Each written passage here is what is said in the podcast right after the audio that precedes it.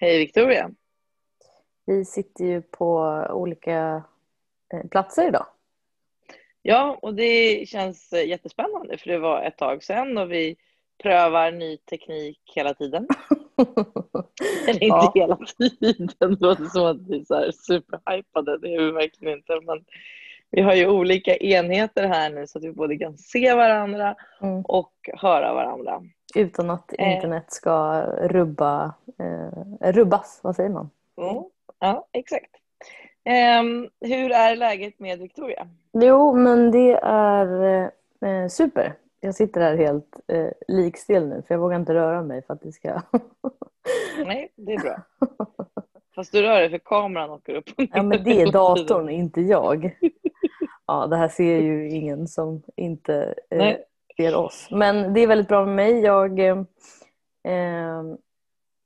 eh, jag, är, jag har höstfeeling. Mm. Det är verkligen Men är det på ett bra sätt eller dåligt sätt? Nej, men det skulle jag säga på ett eh, bra sätt ändå. Alltså, eh, jag badar fortfarande så att, eh, det är inte så att jag har helt Mm. släppt sommaren. Men, eh, men det känns så skönt att, att komma tillbaka så här lite till rutiner som vi nästan inte har haft sen i ja, men, våras eh, någon gång. Så att, eh, och jag är peppad på, på den här hösten. Eh, och att typ, det verkar ju liksom som att ja, men saker och ting lättas upp i, i, i alla fall i Sverige. Jag vet inte hur det ser ut i världen men liksom, de släpper på lite restriktioner, det blir lite mer tävlingar. Folk är inte lika, eh, liksom, vad ska man säga, man, man, man kan göra mer saker fast såklart med ett förnuft. Men, ja, eh, och det känns eh, väldigt skönt. Det känns som att det går åt rätt håll. Liksom. Ja, men det håller jag med om. Det, det känns som att det är stor skillnad nu med eh, ja, men bara man är ute bland folk eller gör olika saker. Det finns en, en respekt, man, man respekterar det här men ändå Mm. det har släppts lite så att folk är inte lika hysteriska längre. Nej. Och det tycker jag också känns väldigt bra. Jag håller på och laddar för eh, SUB Equestrian Weeks heter det nu. Jag har ju ridit Breeders-veckan i hela mitt liv och nu håller man på att träna om och säga eh, SUB Equestrian Weeks. Men jag ska ju alltså ner med två hästar till Flyinge nästa vecka Mm. och det håller jag på och eh, eh, trimmar inför och förbereder inför med allt vad det innebär. Mm. Eh, Det var ju lite speciella coronarestriktioner först eh, gällande den här veckan. Eh, att man inte skulle få ha hästlastbilen på plats i Flyinge utan man var tvungen att ställa upp den på någon ställplats någon annanstans. Och kommer man ner med två hästar så innebär ju det att det blir lite komplicerat. Mm. Jag hade ju då löst uppstallning hos Mattias och även lastbilen där för att jag tänkte jag måste ju ha hästarna på samma ställe där, där jag ska bo. Mm. Eh, men nu i måndag så släppte de att man kunde få eh, ett fåtal ryttare som hade fler hästar kunde få stå då med lastbilen på anläggningen och ha elplats. Eh, så att då har jag fått ändra planerna lite igen men det känns ju väldigt skönt eftersom att det är så man brukar göra att man är uppstallad och bor med hästarna. Det är egentligen den största anledningen till att jag vill ha en hästlastbil. Det är för att jag vill kunna bo med hästarna. Jag är inte alls någon fan av att Alltså det är ju jättemysigt att bo på hotell men jag tycker inte att det är så mysigt att bo på hotell när jag ska tävla. Nej. För att jag, eh, jag vet inte om alla vet om det, men vi har ju en, en väldigt stor hästlastbil. Den eh, köpte vi när både jag och Christian fortfarande tävlade som ungdomsryttare. Och eh, den har ju sex sovplatser och, och plats för fyra hästar. Eh, så jag tog ju lastbilskörkort tidigt för att kunna köra den här hästlastbilen. Och innan det, när jag tävlade ponny, då hade vi också en hästlastbil som mamma körde. Så hela min eh, vad ska man säga, tävlingskarriär så har jag ju alltid haft en hästlastbil och bott i den. Mm. Och den lastbilen som vi köpte då 2005, den har vi ju kvar nu efter 15 år. Eh, och den fungerar eh, helt fantastiskt bra fortfarande. Den är jättefin. Den är jättefin både i hästdelen och bodelen. Eh, men eh, på grund av corona så har den ju inte rullat så mycket. Eh, Så jag ställde faktiskt av den i våras och nu har jag ställt på den på grund av det här. evenemanget då. Men det finns ju tävlingar antingen när man ska åka med en häst, åka båt eller det ingår boende på stora internationella tävlingar där man bor på hotell och det där har aldrig riktigt eh, passat mig. Mm. Jag känner mig stressad av att inte kunna vara nära hästen eftersom Mm. att jag är, är så van att vara det. Och sen tycker jag också, jag har ju lite svårt att sova som vi har pratat om här i podden. Mm. Eh, och på något sätt, jag sover alltid ovanför toaletten i hästlastbilen. Det är som ett Mm. litet kyffe högst upp. Heter Och- det kyffe eller heter det skyffe kanske? Jag vet inte, nu känner jag mig som Chris Brolin, hittar på egna ord.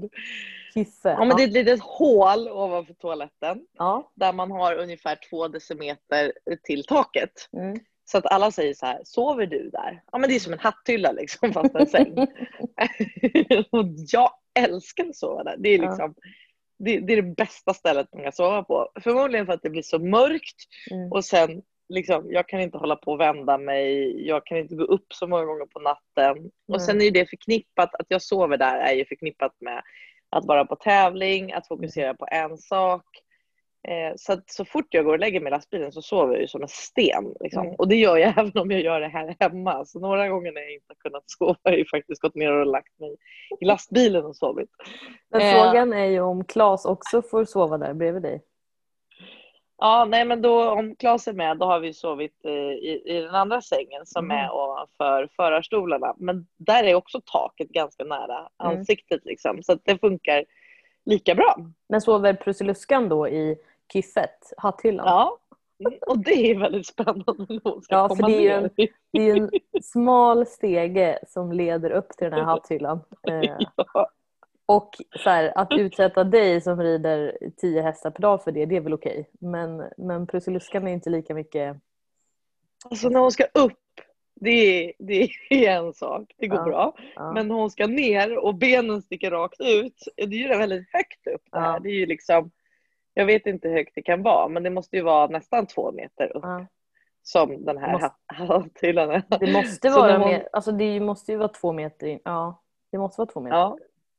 Ja. Men då så sticker hennes ben rakt ut och så letar hon efter stegen. Och ibland så, eftersom att stegen är ovanför toaletten, så ibland kan ju någon ha varit på toaletten och flyttat på stegen och glömt att sätta tillbaka den.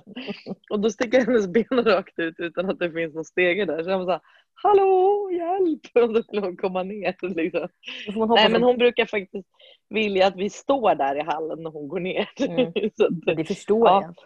jag. Eh, ja. Jag är inte så rädd för, för att trilla för att jag är ju fortfarande liksom ganska mjuk.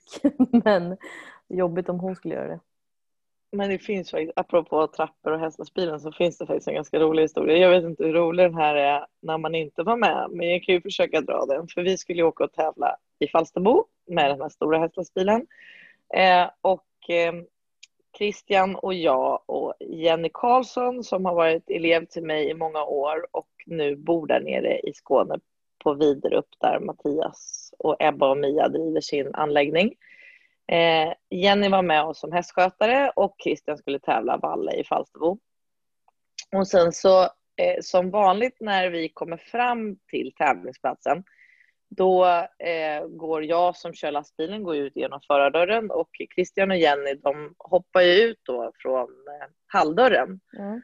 Och som ni vet då på lastbilar så, eller husbilar så finns det ju en trapp på eh, lastbilen eller husbilen men den får man ju fälla ut och den är ju inte utfälld när man kör. Eh, men är man lite vig då så hoppar man ju bara ut från hallen. Jag vet inte hur högt upp det kan vara men det är väl i alla fall en meter upp eller Ja, lite mer än en meter. Ja, som liksom där hallen är ner. Vår lastbil är väldigt hög liksom Mm. och eh, bodelen ligger högt upp i lastbilen. Eh, Så Jenny och Krille har ju hoppat ut och vi håller på att fälla ner rampen och vi står eh, allihopa i lastbilen håller på med Valle och ska ut och sen hör vi bara ett brak liksom. Alltså verkligen världens smäll. Och då tittar Jenny ut från rampen och jag och Christian står kvar i lastbilen så bara vad var det säger Christian. det var Chris säger Jenny då och då är det mamma. Då har hon gått ut som om trappen var nerfälld. Åh, nej! Den var inte Bara- nerfälld. Och bara, Hon bara faceplantat. ner. Ja, verkligen. Nej. Så hon var ju faktiskt ganska blå efter den incidenten. Eh, så det kan ju vara ett tips att kolla att trappen är nerfälld. Att trappen är utfälld innan ja. Åh, Ja. gud. Läskigt. Ja, så det är lite spännande det här. Eh, det är ett campingliv. Ja, men det är det. När vi, jag kom på att vi har ju inte pratat om Segersjö för att eh, vi hade gästavsnitt och så ett förinspelat avsnitt. Så att, eh, eh, men när vi var på, eh, på Segersjö så tog jag med mig mina föräldrar den här gången. Det Och då campade ni Precis. Och då frågade för första gången. Och då frågade mina föräldrar så här, är hästfolk ett kampande folk? Inte riktigt på det med den formuleringen men, men då sa jag ja fast de är nog ofrivilliga kampare för att det är lite sådär jag tror ingen ryttare kanske kampar på sin semester just för att när det är tävlingar så är det väldigt mycket kampande. Alltså det är ju så alla tar med sig sin lastbil eller sin trailer eller sitt tält eller alltså vad som man än kan sova i nästan, husbil, husvagn. Och så, och så packar man upp den och så bor man där. Och under den här Segersjöhelgen var det väldigt mycket regn. Alltså, jag tror att det Mm. regnade 24 timmar i sträck. Ja. Eh, och vi hade fått låna en husvagn eh, som var jättestor och fin så att vi bodde väldigt bra. Och det var en eh, jättemysig upplevelse att få göra det med sina föräldrar och de var superimponerade. Eh, men det var ju några stackare som fick bo i tält. Och Ja. det kan inte ha varit eh, torrt den helgen. Och det där är så svårt att veta. Liksom. Är det fint väder i augusti då är det klart att det går jättebra att sova i tält. Men, men det var väldigt, eh, väldigt, väldigt regnigt. Eh, så att, ja, jag tror ju att, eh, att hästmänniskor är bra på att campa när det behövs. Men kanske inte gör det lika frivilligt. Eller förstår du vad jag menar? Nej, och det är väl så här, man ska ju komma ihåg det att om man är campare då antar jag att man eh, har god tid på sig att förbereda för själva campingen. Mm. Man eh, har rätt saker i Mm. den här eh, husvagnen för ändamålet. Man väljer platser att ställa upp på som är Mm. jämna och där det kanske inte är så mycket lera. Mm. Eh, man eh, kanske reser mer då om det regnar och väljer att inte stå still när det regnar och så vidare. Vi är ju, försöker ju såklart förbereda oss när vi ska åka iväg och packa med rätt mat och, och eh, göra i ordning allting så att vi har rätt grejer i bilen. Men för mig är det ju eh, det är en bedrift att ha fyllt den med vatten, ha städat den och att vi har lakan och handdukar och Mm. att vi har handlat lite mat in i kylen. Mm. Sen är ju fokus på att jag ska tävla, att hästarna har eh, rätt grejer. Ja men precis. Det är ju alltid ryttarens, alltså det är alltid hästens behov som går före ryttarens och det är därför som Ja, det någonstans kanske inte blir lika härlig camping för människan. ja, men lite så. Men eh, det var i alla fall en jätterolig upplevelse och jag kan absolut tänka mig att göra det igen. Men man förstår ju också att det är svårare nu i Corona. För att förra året när det var Segersjö då var det liksom ja, men mycket mer så här, mattält och det fanns väldigt mycket duschar och vattentoaletter och liksom bra ordnade vad ska man säga, faciliteter. Men i år så var det mindre, det var nästan bara bajamajor och så någon dusch. Liksom. Och jag tror att de flesta duschade in hos sig om de kunde det. Eh, och för att det är ju svårt det här med så här, vilka som får komma och vad ska man ha för, eh, vad får man ta med sig för fordon och hur många får man vara på samma plats. Att det är mycket svårare att ordna det på ett bra sätt i år eftersom att ja, man kan inte ha fler än 50 personer som springer på de där duscharna egentligen. Alltså, Nej, nej. men Apropå det då, Mm. corona och duschar och allting. Jag har ju varit i Holland och det har jag ju varit eh, helt eh, öppen med att jag har Mm. gjort en Hollandsresa och jag har ju försökt den, göra den helt coronasäker om man nu kan göra det. ja.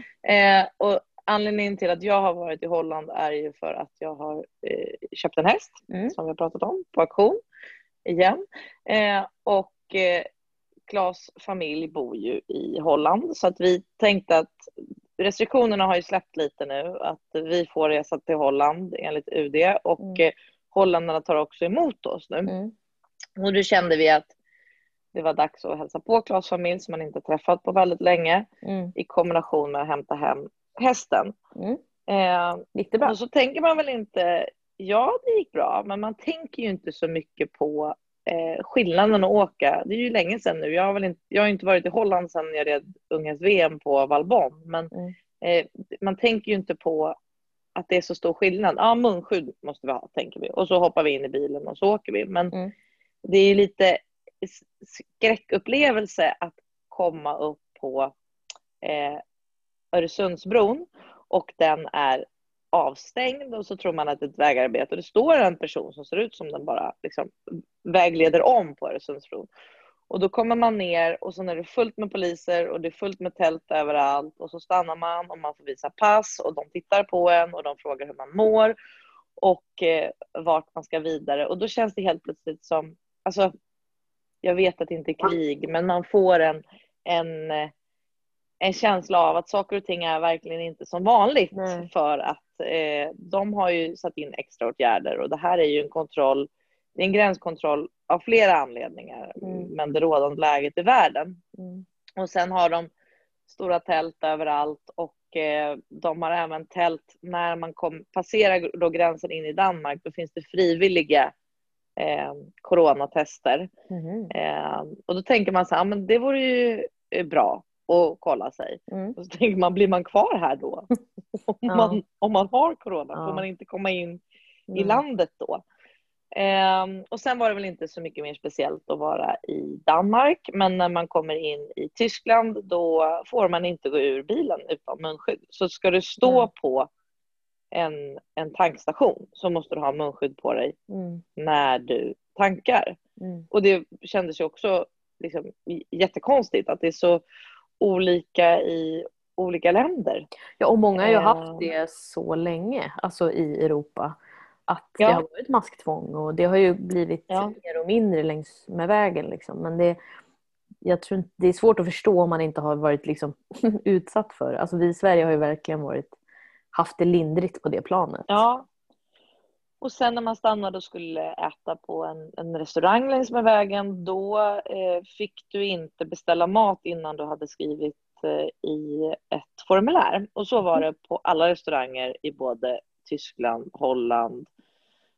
Eh, det var ett formulär då, ifall någon har blivit smittad med corona på restaurangen, då måste alla som har ätit på restaurangen Mm. inom en, ett visst, en viss period bli informerade. Men det är ju bra. Ja, det är jättebra. Det borde vi ju ha i Sverige också kan man ju Ja, tänka sig. verkligen. Ehm, och sen fick man ju då ha eh, mask på sig hela färjan, ansiktsmask. Mm. Alltså färjan, vi åker färja då röd vid Puttgarten. Men när man ska äta så måste man ju ta av sig masken. Mm. Så att alla satt i restaurangen utan mask. Mm. Och det, det blir lite konstigt. Jo, men det är ju som det är här egentligen om man går på restaurang. Så egentligen ska inte det vara någon skillnad. Men det är klart att man reagerar Nej. på det när man väl sitter med masken före och sen tar av sig den. Då blir det en sån ja, kontrast. ja. Ja, nej, sen var det väl inte så mycket mer speciellt med just corona, men jag hade det, eller vi hade det väldigt bra i alla fall och Mm. jag fick ju se då Frisland, för Claes är ju född i Frisland där Mm. friserhästarna kommer ifrån och det var första gången jag fick se Frisland och det var jättekul. Supermysigt. Mm. Eh, jag fick också åka på en eh, stor eh, nationell dressyrtävling och se eh, Edvard Gall och Hans Peter Minderhood tävla. Så Kul. det var jättekul.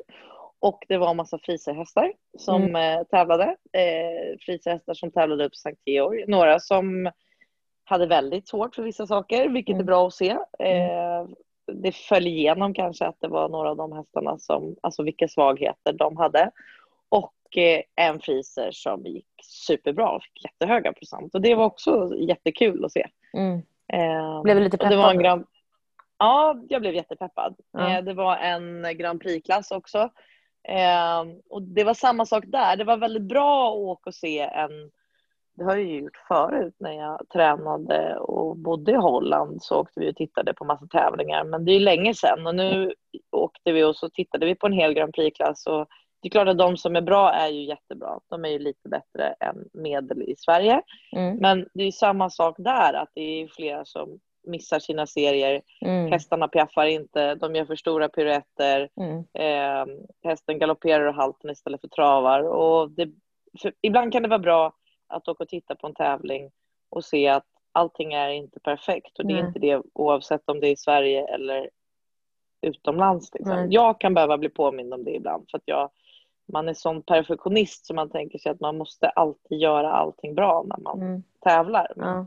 det, är ju, det är ju fler än jag som ibland har problem. Eller när man utbildar en häst så är inte allting perfekt när man är inne på tävlingsbanan. Nej, så är det. Men jag såg att du var och, och tränade med Floris eh, häromdagen.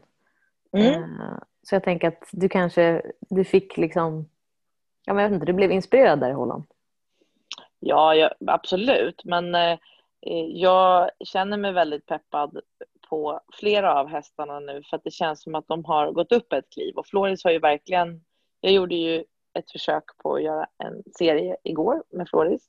Eh, och eh, eh, ett byte var kanske lite kort bak och sen så räknade jag inte hur många steg det var emellan. Men det var en, en fullgod fin serie. Och Mm. eh, eh, friserhästarna har ju kanske lite svagare galopp och har väl de, det är många som säger att de har lite svårare att lära sig byta galopp och har man kommit så långt då så att man kan göra en galoppombytesserie så har man ju kommit väldigt långt i utbildningen. Mm.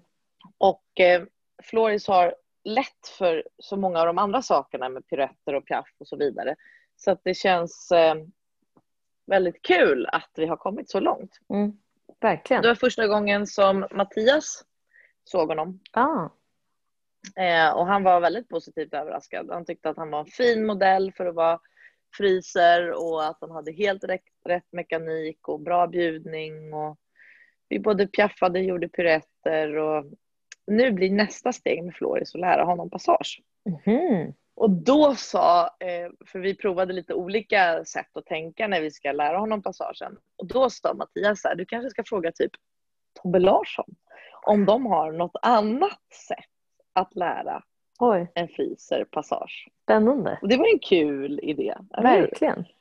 Att, och ibland kanske man kan lära sig saker från till exempel en sån som Tobbe Larsson som tränar den här typen av hästar. När det blir Ja. lite mer eh, uppvisning, nu kanske jag säger fel här, men liksom cirkus eller konst. Han, han Mm. jobbar ju mer med den typen av träning. Mm. Men hans friserhästar går ju också passage. Så att, eh, det var väl en bra idé. Jag ska sträcka ut en, en hand till Tobbe Larsson och kolla om man har något eh, friserpassageknep. Så Mm. eh, fortsättning följer där. Ja, jag gillar verkligen det här med eh, att, att ta hjälp över de vad ska man säga, vanliga gränserna. Eller vad säger man? Det har vi pratat om mycket tidigare. Men Ja. det är en positiv utveckling i ridsporten tycker jag verkligen. Så Absolut. hoppas han ger dig, bra, ger dig några bra tips. ja, Och att vi får höra dem i podden såklart.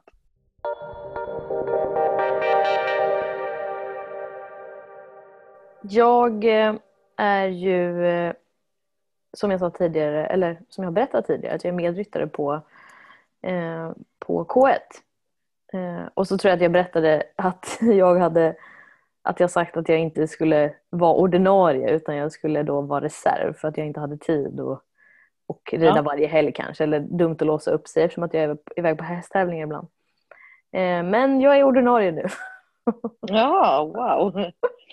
Det blir Jag- spännande. Ja, jag tror att de, fick, eh, de inte hittade tillräckligt många i det hörnet. Så att, eh, jag blev nästan övertalad in i det. Nej, men så det är jättekul. Jag ska eh, imorgon få rida för första gången.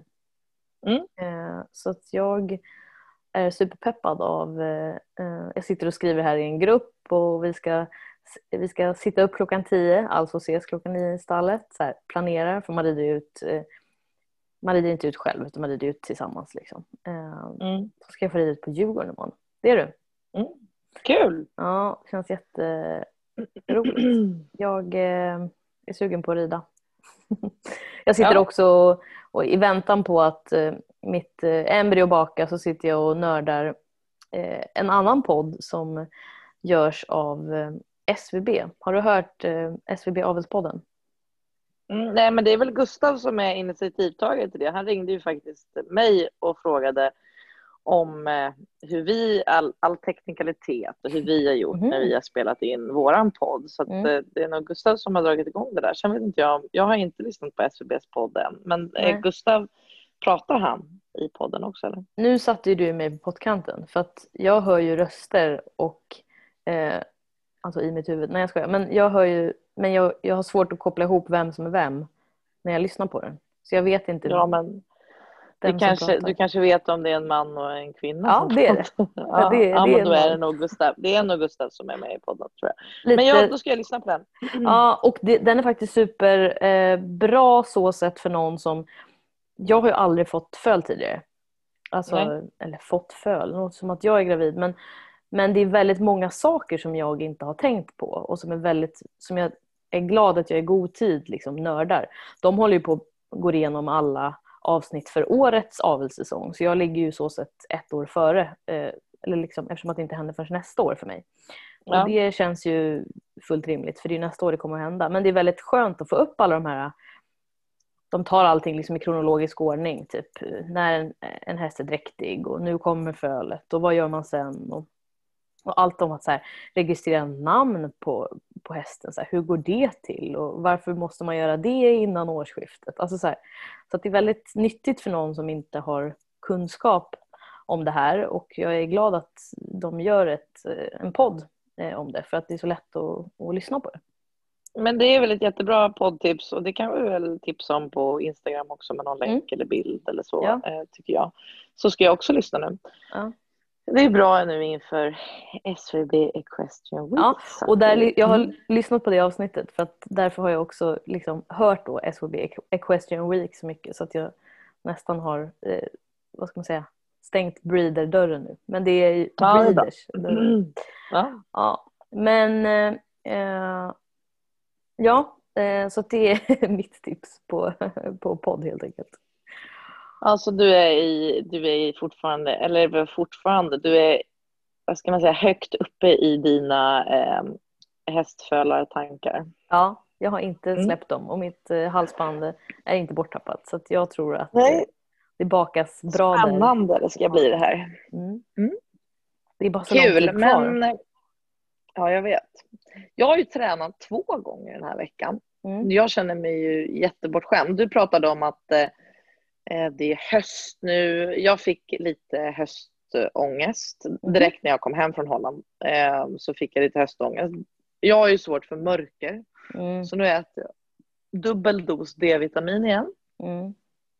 Ehm, och det, vi, vi har inte värmen på i mitt hus än och sen har vi eh, tagit bort eh, fönstren för vi håller på att måla dem. Så vi har så pappskivor som sitter vid fönstren så att det drar Mm. väldigt mycket in.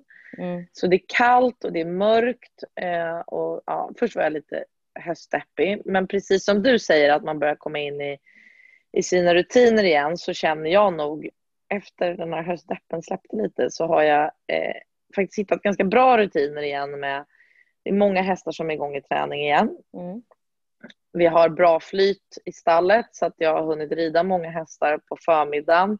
Vi har hunnit åka och äta lunch med teamet i stallet. Eh, Jag har mina möten inbokade på eftermiddagarna och igår hade jag även på kvällen. Och det finns någonting härligt också med att allting Mm. rullar på som det brukar göra efter Mm. en, en hektisk sommar med mycket människor när ingenting är som det har varit. Mm.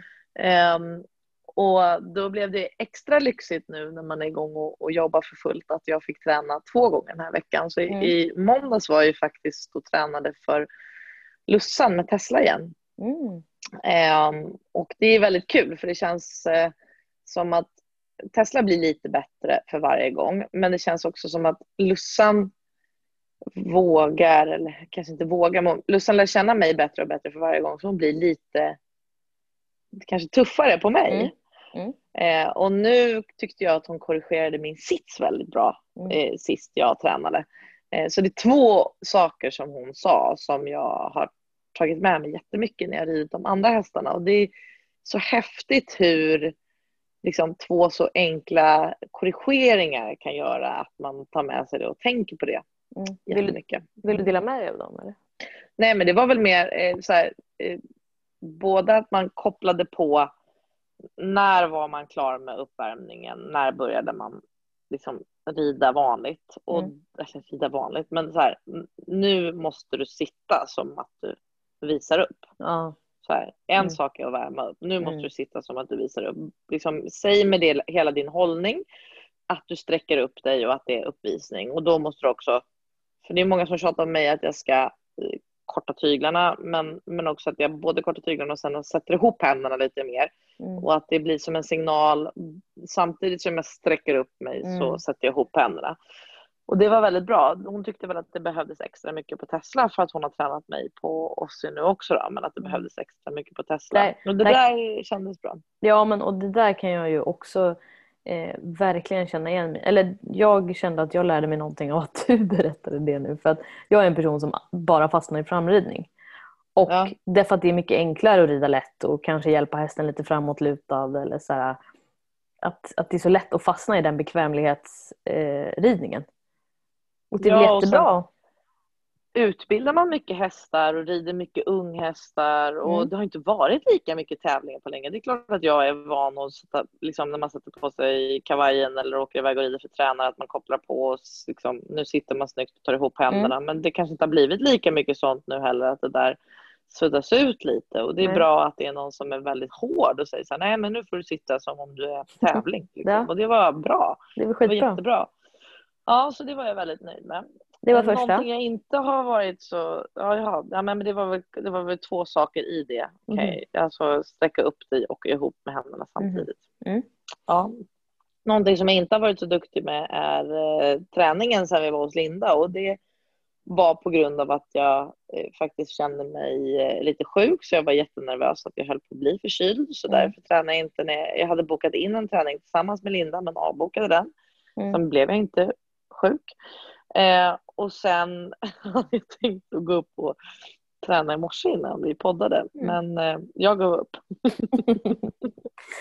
Ja, Alltså jag hade ställt klockan jättetidigt för att jag skulle Oj. hinna med ett träningspass innan våran eh, podd, morgonpodd som vi har nu, som, Mm. som man äter frukost. Men eh, jag var för trött. nej men det var väl bra att du prioriterade sömnen där. Ja, Mm. eh, men jag har ju fortfarande inte gett upp träning idag så vi får ju se hur det går.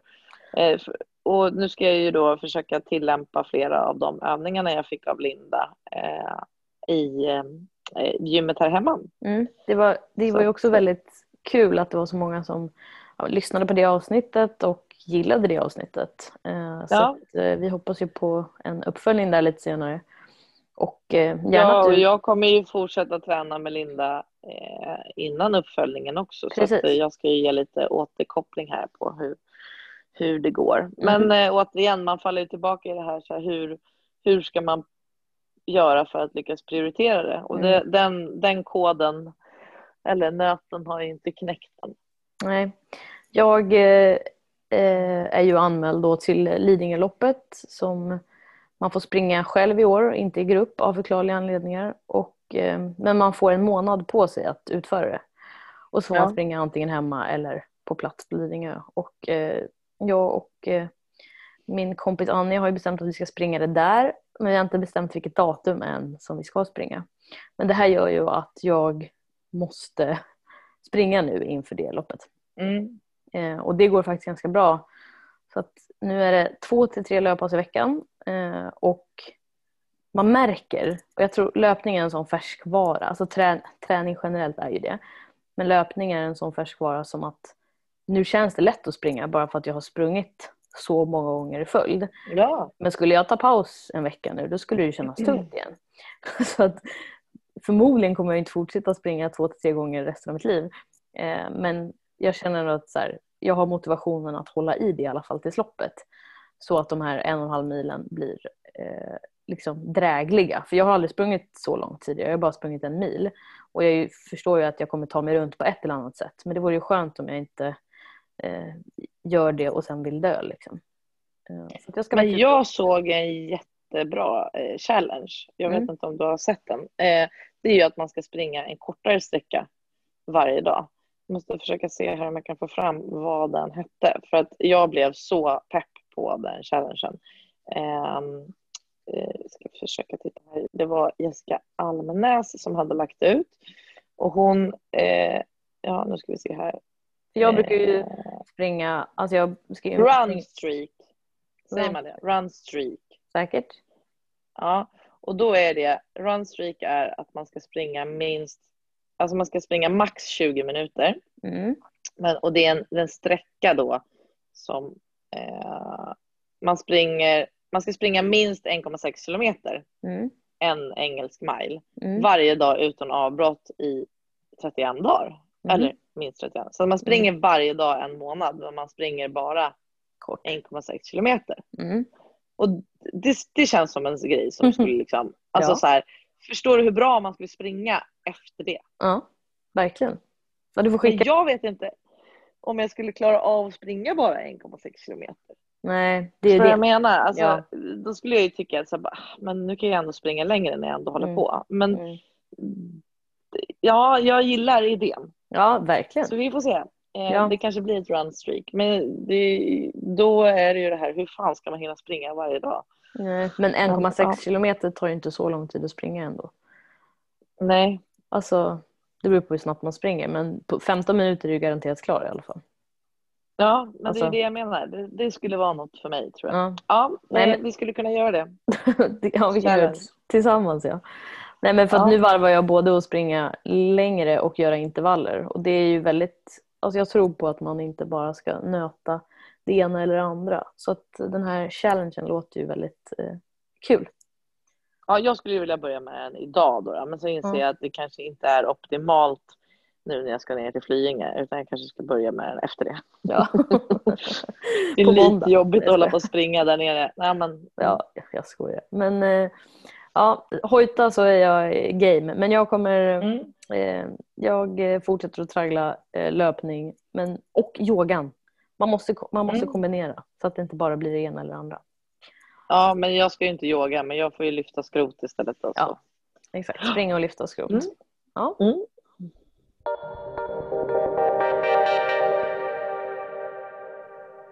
ja, men precis som att eh, du anpassar din träning efter dina behov eller dina förmågor, liksom, vad kroppen orkar, så har vi fått en fråga på det ämnet eh, från Amanda på Instagram. Eh, och hon tycker att vi ska prata lite om att hästar inte är några maskiner. Alltså att de är levande individer som inte alltid orkar det som ridskolor eller deras ryttare begär av dem. Eh, vila är viktigt även för hästar eh, och det håller vi ju verkligen med om. Eh, hur tänker du kring det, Emelie? Nej, men det är väl en, en jättebra fråga och eh, jag tror att eh, eh, vi måste börja se hästarna som oss själva och inte tänka att de är ett verktyg som finns tillgängliga för våra behov hela tiden. Mm. Det, är ju, det är ju så att eh, jag upplever ju om jag tittar på de professionella ryttarna så finns det ju en kontinuitet på ett annat sätt. Eh, Mm. Vi har ett schema att hästarna jobbar max fem dagar i rad. Vi låter dem vila två dagar, två eller en dag på helgen eller eh, lägger in planerade viloperioder eh, på grund av att vi ska iväg på stora tävlingar eller annat. Och, Mm. och det finns en, en planering över hästarna som, som ingår i vårt arbete. Mm. Men jag upplever att många av mina elever, de eh, eh, gör ju träningen, det är ju deras hobby och därför tränar man när man vill träna. Och det Mm. kan ju vara både på gott och ont. Men vi har pratat lite om det här innan. Någonting som jag är lite emot det är ju det att man eh, när man har möjlighet att träna så kanske man låter hästen vila för att man vill hitta på roliga saker själv. Mm. Eh, och sen bara för att det passar en själv att rida mycket så är det inte säkert att hästen är redo för det. Nej. Eh, nu eh, har jag väldigt många elever som har tagit in hästarna från bete. Hästarna har lite runda magar och nu vill alla träna varannan vecka eh, och nu vill alla tävla. Mm. Eh, och det där är ju lite konstigt att vi gör så att vi, vi tränar under perioden när skola och jobb är igång och sen Mm. så släpper vi ut hästarna på gräs i två månader. Jag säger inte att alla gör så här, men Nej, många gör, ja. eller det finns folk som gör så här i alla fall. Släpper ut hästarna på bete och åker på semester. Och självklart ska alla få åka på semester, men då måste man ju tänka på att när man ska börja träna hästen, om den har vilat i en eller två månader, eh, så krävs det en uppbyggnad igen. Det är ju inte bara att sparka igång och rida som vanligt och så få åka in alla träningar som vanligt. För hästen har ju också, eh, måste ju också eh, komma tillbaka. Mm. Eh, men du... Här tycker jag ju att det är bättre. Ja, förlåt. Ja. Nej, men du, du, alltså så här då, för det som jag tänker är att man, det är lite naturligt avbrott för att man har Eh, semester och så vidare. Men många professionella ryttare gör ju också så att de låter hästarna vila under eh, vintern eller sommaren om de är yngre. Så någonstans ja. så byggs ju den, vad ska man säga, vanan eller Alltså jag menar att jag hade lätt kunnat tänka så här, jo men min häst ska nog få ledigt på, på sommaren för att då låter ju alla andra sina hästar vila. Förstår att det också blir en sån, vad ska man säga, en eh, så, för så gör alla andra, alltså att man tänker lite så också. Jo, men det är väl jättebra att hästarna får gå på bete. Jag säger mm. inte att eller hästarna får vila, men någonstans är det ju så här att man kan ju inte träna hästen stenhårt september, oktober, november och sen så ställer man bara av den i december Nej. och sen gör den ingenting för att då är det jul och man ska julklappskoppa och det är tråkigt att rida och sen mm. så eh, kör man på i januari för att skola, eller halva januari för att skola och allting är igång. Och så köttar man järnet för det är tävlingar och man, man, man tränar fem dagar i veckan. Och sen så bara eh, ställer man av igen för att man ska mm. åka någonstans. Och sen förväntar man att hästen ska kopplas på för att man själv är pigg och på och vill rida igen. Mm. Eh, det kanske är bra, har man en planering att nu ska hästen, hästen eh, tävla och sen så får den en längre vila i sommar och sen så får den kanske en lite lugnare höst, då mm. är det ju helt okej. Okay. Och att ja. man har en igångsättningsperiod på en längre tid efter sommarbetet och sommarvilan. Jag är inte emot att hästarna ska vila, tvärtom. Nej. Jag tycker det är jättebra att de vilar. Däremot så kan man diskutera längden av vila. Mm. Jag tror också att det är väldigt individanpassat. Alla hästar passar inte att gå på massvis med gräs. Eh, alla hästar passar inte att gå ute på nätterna för att de har inte energin att träna då.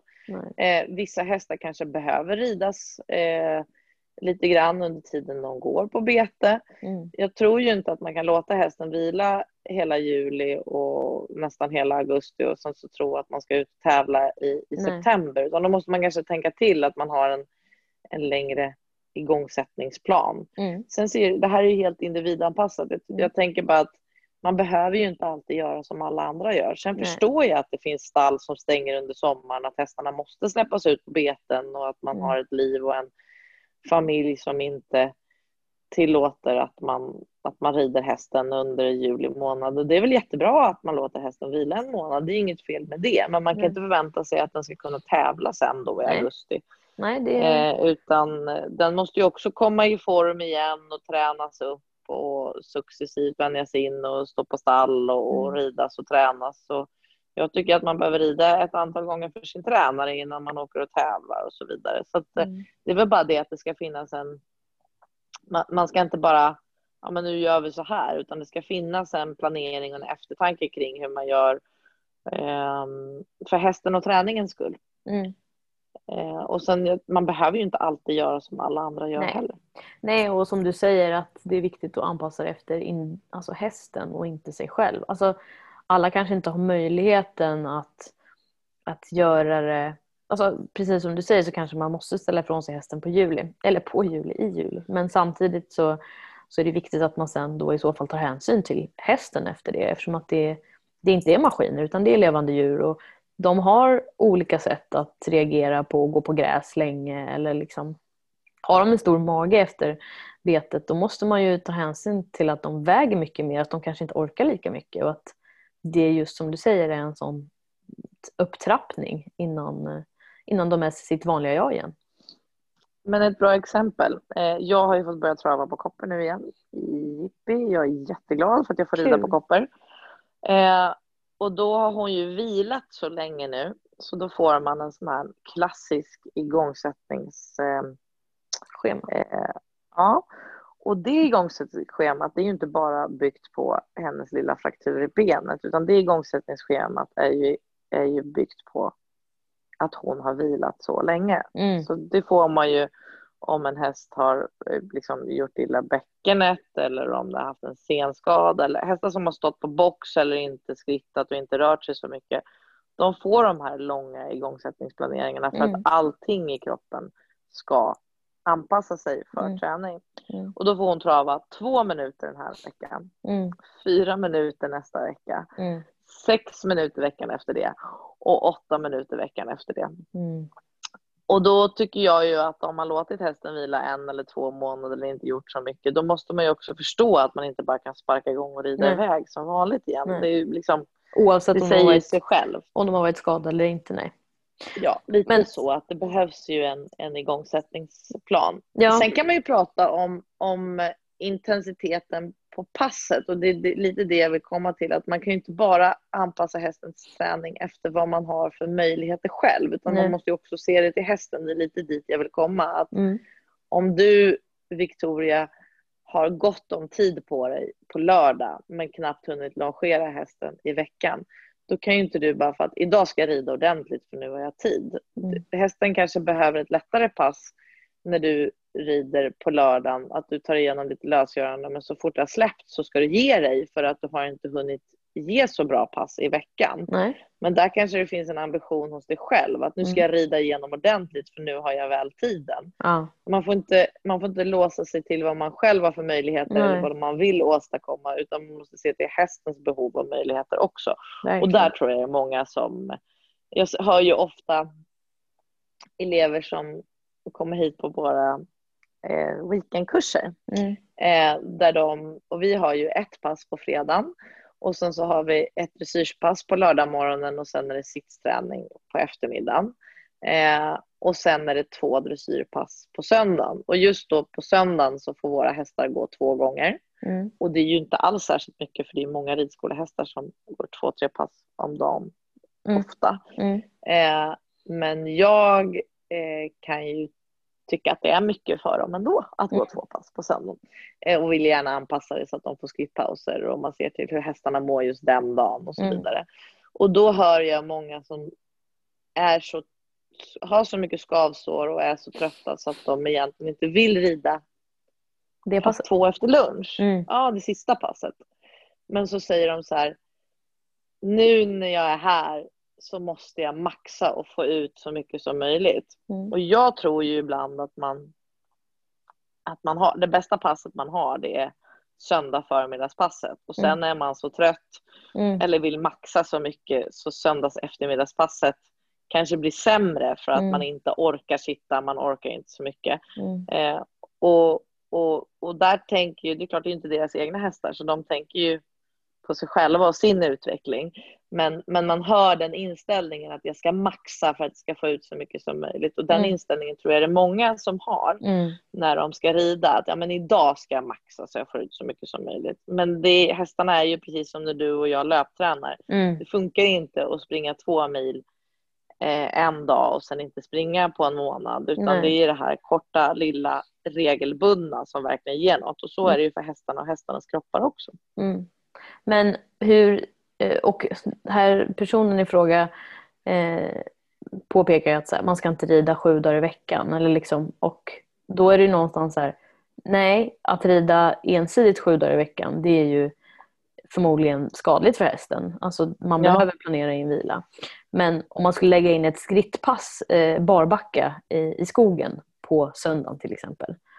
Då, men det är väl jättebra? Ja, men precis. Men då räknar man inte det som en, ett ridpass på samma sätt. Utan en häst behöver ju Nej. röra på sig. Utan också att man kan eh, variera på vilket sätt man tränar hästen. Eh, för de behöver... Jag tycker ju också, jag är ju lite dålig på, när, när jag inte tränar, då tänker jag att mina hästar ska vila. Klas ja. är ju mycket bättre på så. Jag bara, ah, men nu har Tesla gått så här många dagar, nu behöver hon ta det lugnt. Han bara, ah, men jag tycker du behöver sitta på henne då. Ut och skritta bara. Ja. ja, men det är ju bra. För han bara, ni behöver tid tillsammans. Gör lite kontrollövningar i skritt. Men den typen av träning är ju jag dålig på eftersom ja. att jag är ansvarig för deras utbildning. Ja.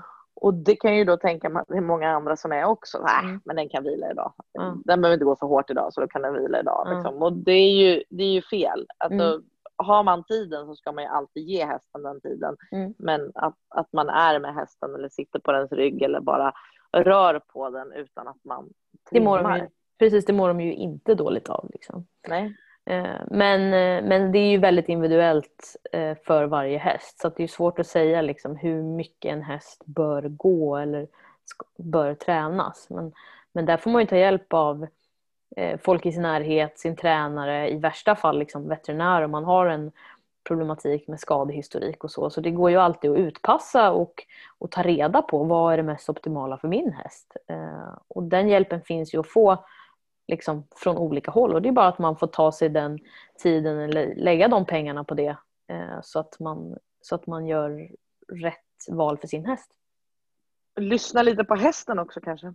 Ja, jo alltså Alltså, man, man kan ju faktiskt få lite indikationer själv på om de är, är lite trötta eller hur de känns i kroppen. Liksom. Så att man inte alltid tror att, att, hästen, att få hästen att gå bättre är att rida mer utan Nej. att det finns andra lösningar på det. Ja, verkligen. Man kan också gå ut och man kan ju spendera tid med sin häst utan att behöva sitta på också. Du kan ju bara ta en promenad Plocka svamp. Så. Våra tips idag är att gå ut i skogen och plocka svamp med era hästar. Ja, varför inte? Eh, Ja, man kan i alla fall spana efter svamp, sen kanske man får gå dit och plocka utan hästen. Ja. för Risken är att den trampar ner svampen. Jag Ja. har varit i skogen och letat efter svamp. Jag hittade ingen svamp, eh, men jag hittade blåbär. Så att de som är sugna på blåbär ska ge sig ut i skogen typ nu, för det är sista svängen. Men, massor med blåbär. mm, men de som är sugna på svamp kanske får vä- vänta en eller två veckor till. Ja. Det är min eh, spaning i alla fall av eh, skogen. Nu ska jag hoppa upp på första hästen. Vad kul. Vilken blir, Nu, nu, nu. vilken blir det idag? Mm, Eh, Vilken kul. blir det idag? Idag ska jag rida, eh, nu ska vi tänka här, fem hästar på förmiddagen och två hästar på eftermiddagen. Mm, vad roligt. Mm. Och vilka hästar blir det som du tar med dig till SWB, SWB Equestrian Week då? SVB, SVB Ja, Equestrian Weeks. Ja. Ehm, det blir Tesla och Robban. Ja, kul. Fem och sex ska de vara, fem och sexårsklassen. Men då hoppas vi att få höra eh, lite om hur det gick eh, i nästa veckas poddavsnitt. Ja, eller så kommer nästa veckas poddavsnitt spelas in under SVB Equestrian Weeks. Exakt. Så det, de är ju liksom, när, när nästa avsnitt släpps då är ju SVB Equestrian Weeks fortfarande igång på söndagen. Så då är det ju finaldag. Men kanske en liten uppdatering därifrån. Så Det då vore- vet vi i alla fall hur det har gått första ritten hoppas jag. Exakt. Eh, Tack för idag Emily och tack för att ni lyssnar på Barbackapodden. Eh, leta efter oss på Instagram, där heter vi Barbackapodden. Eh, och skicka gärna frågor till oss via Facebook eller Instagram eller till våran mejl barbackapodden snabelagmail.com. Ja. Mm. Tack för idag Emily. Tack, tack.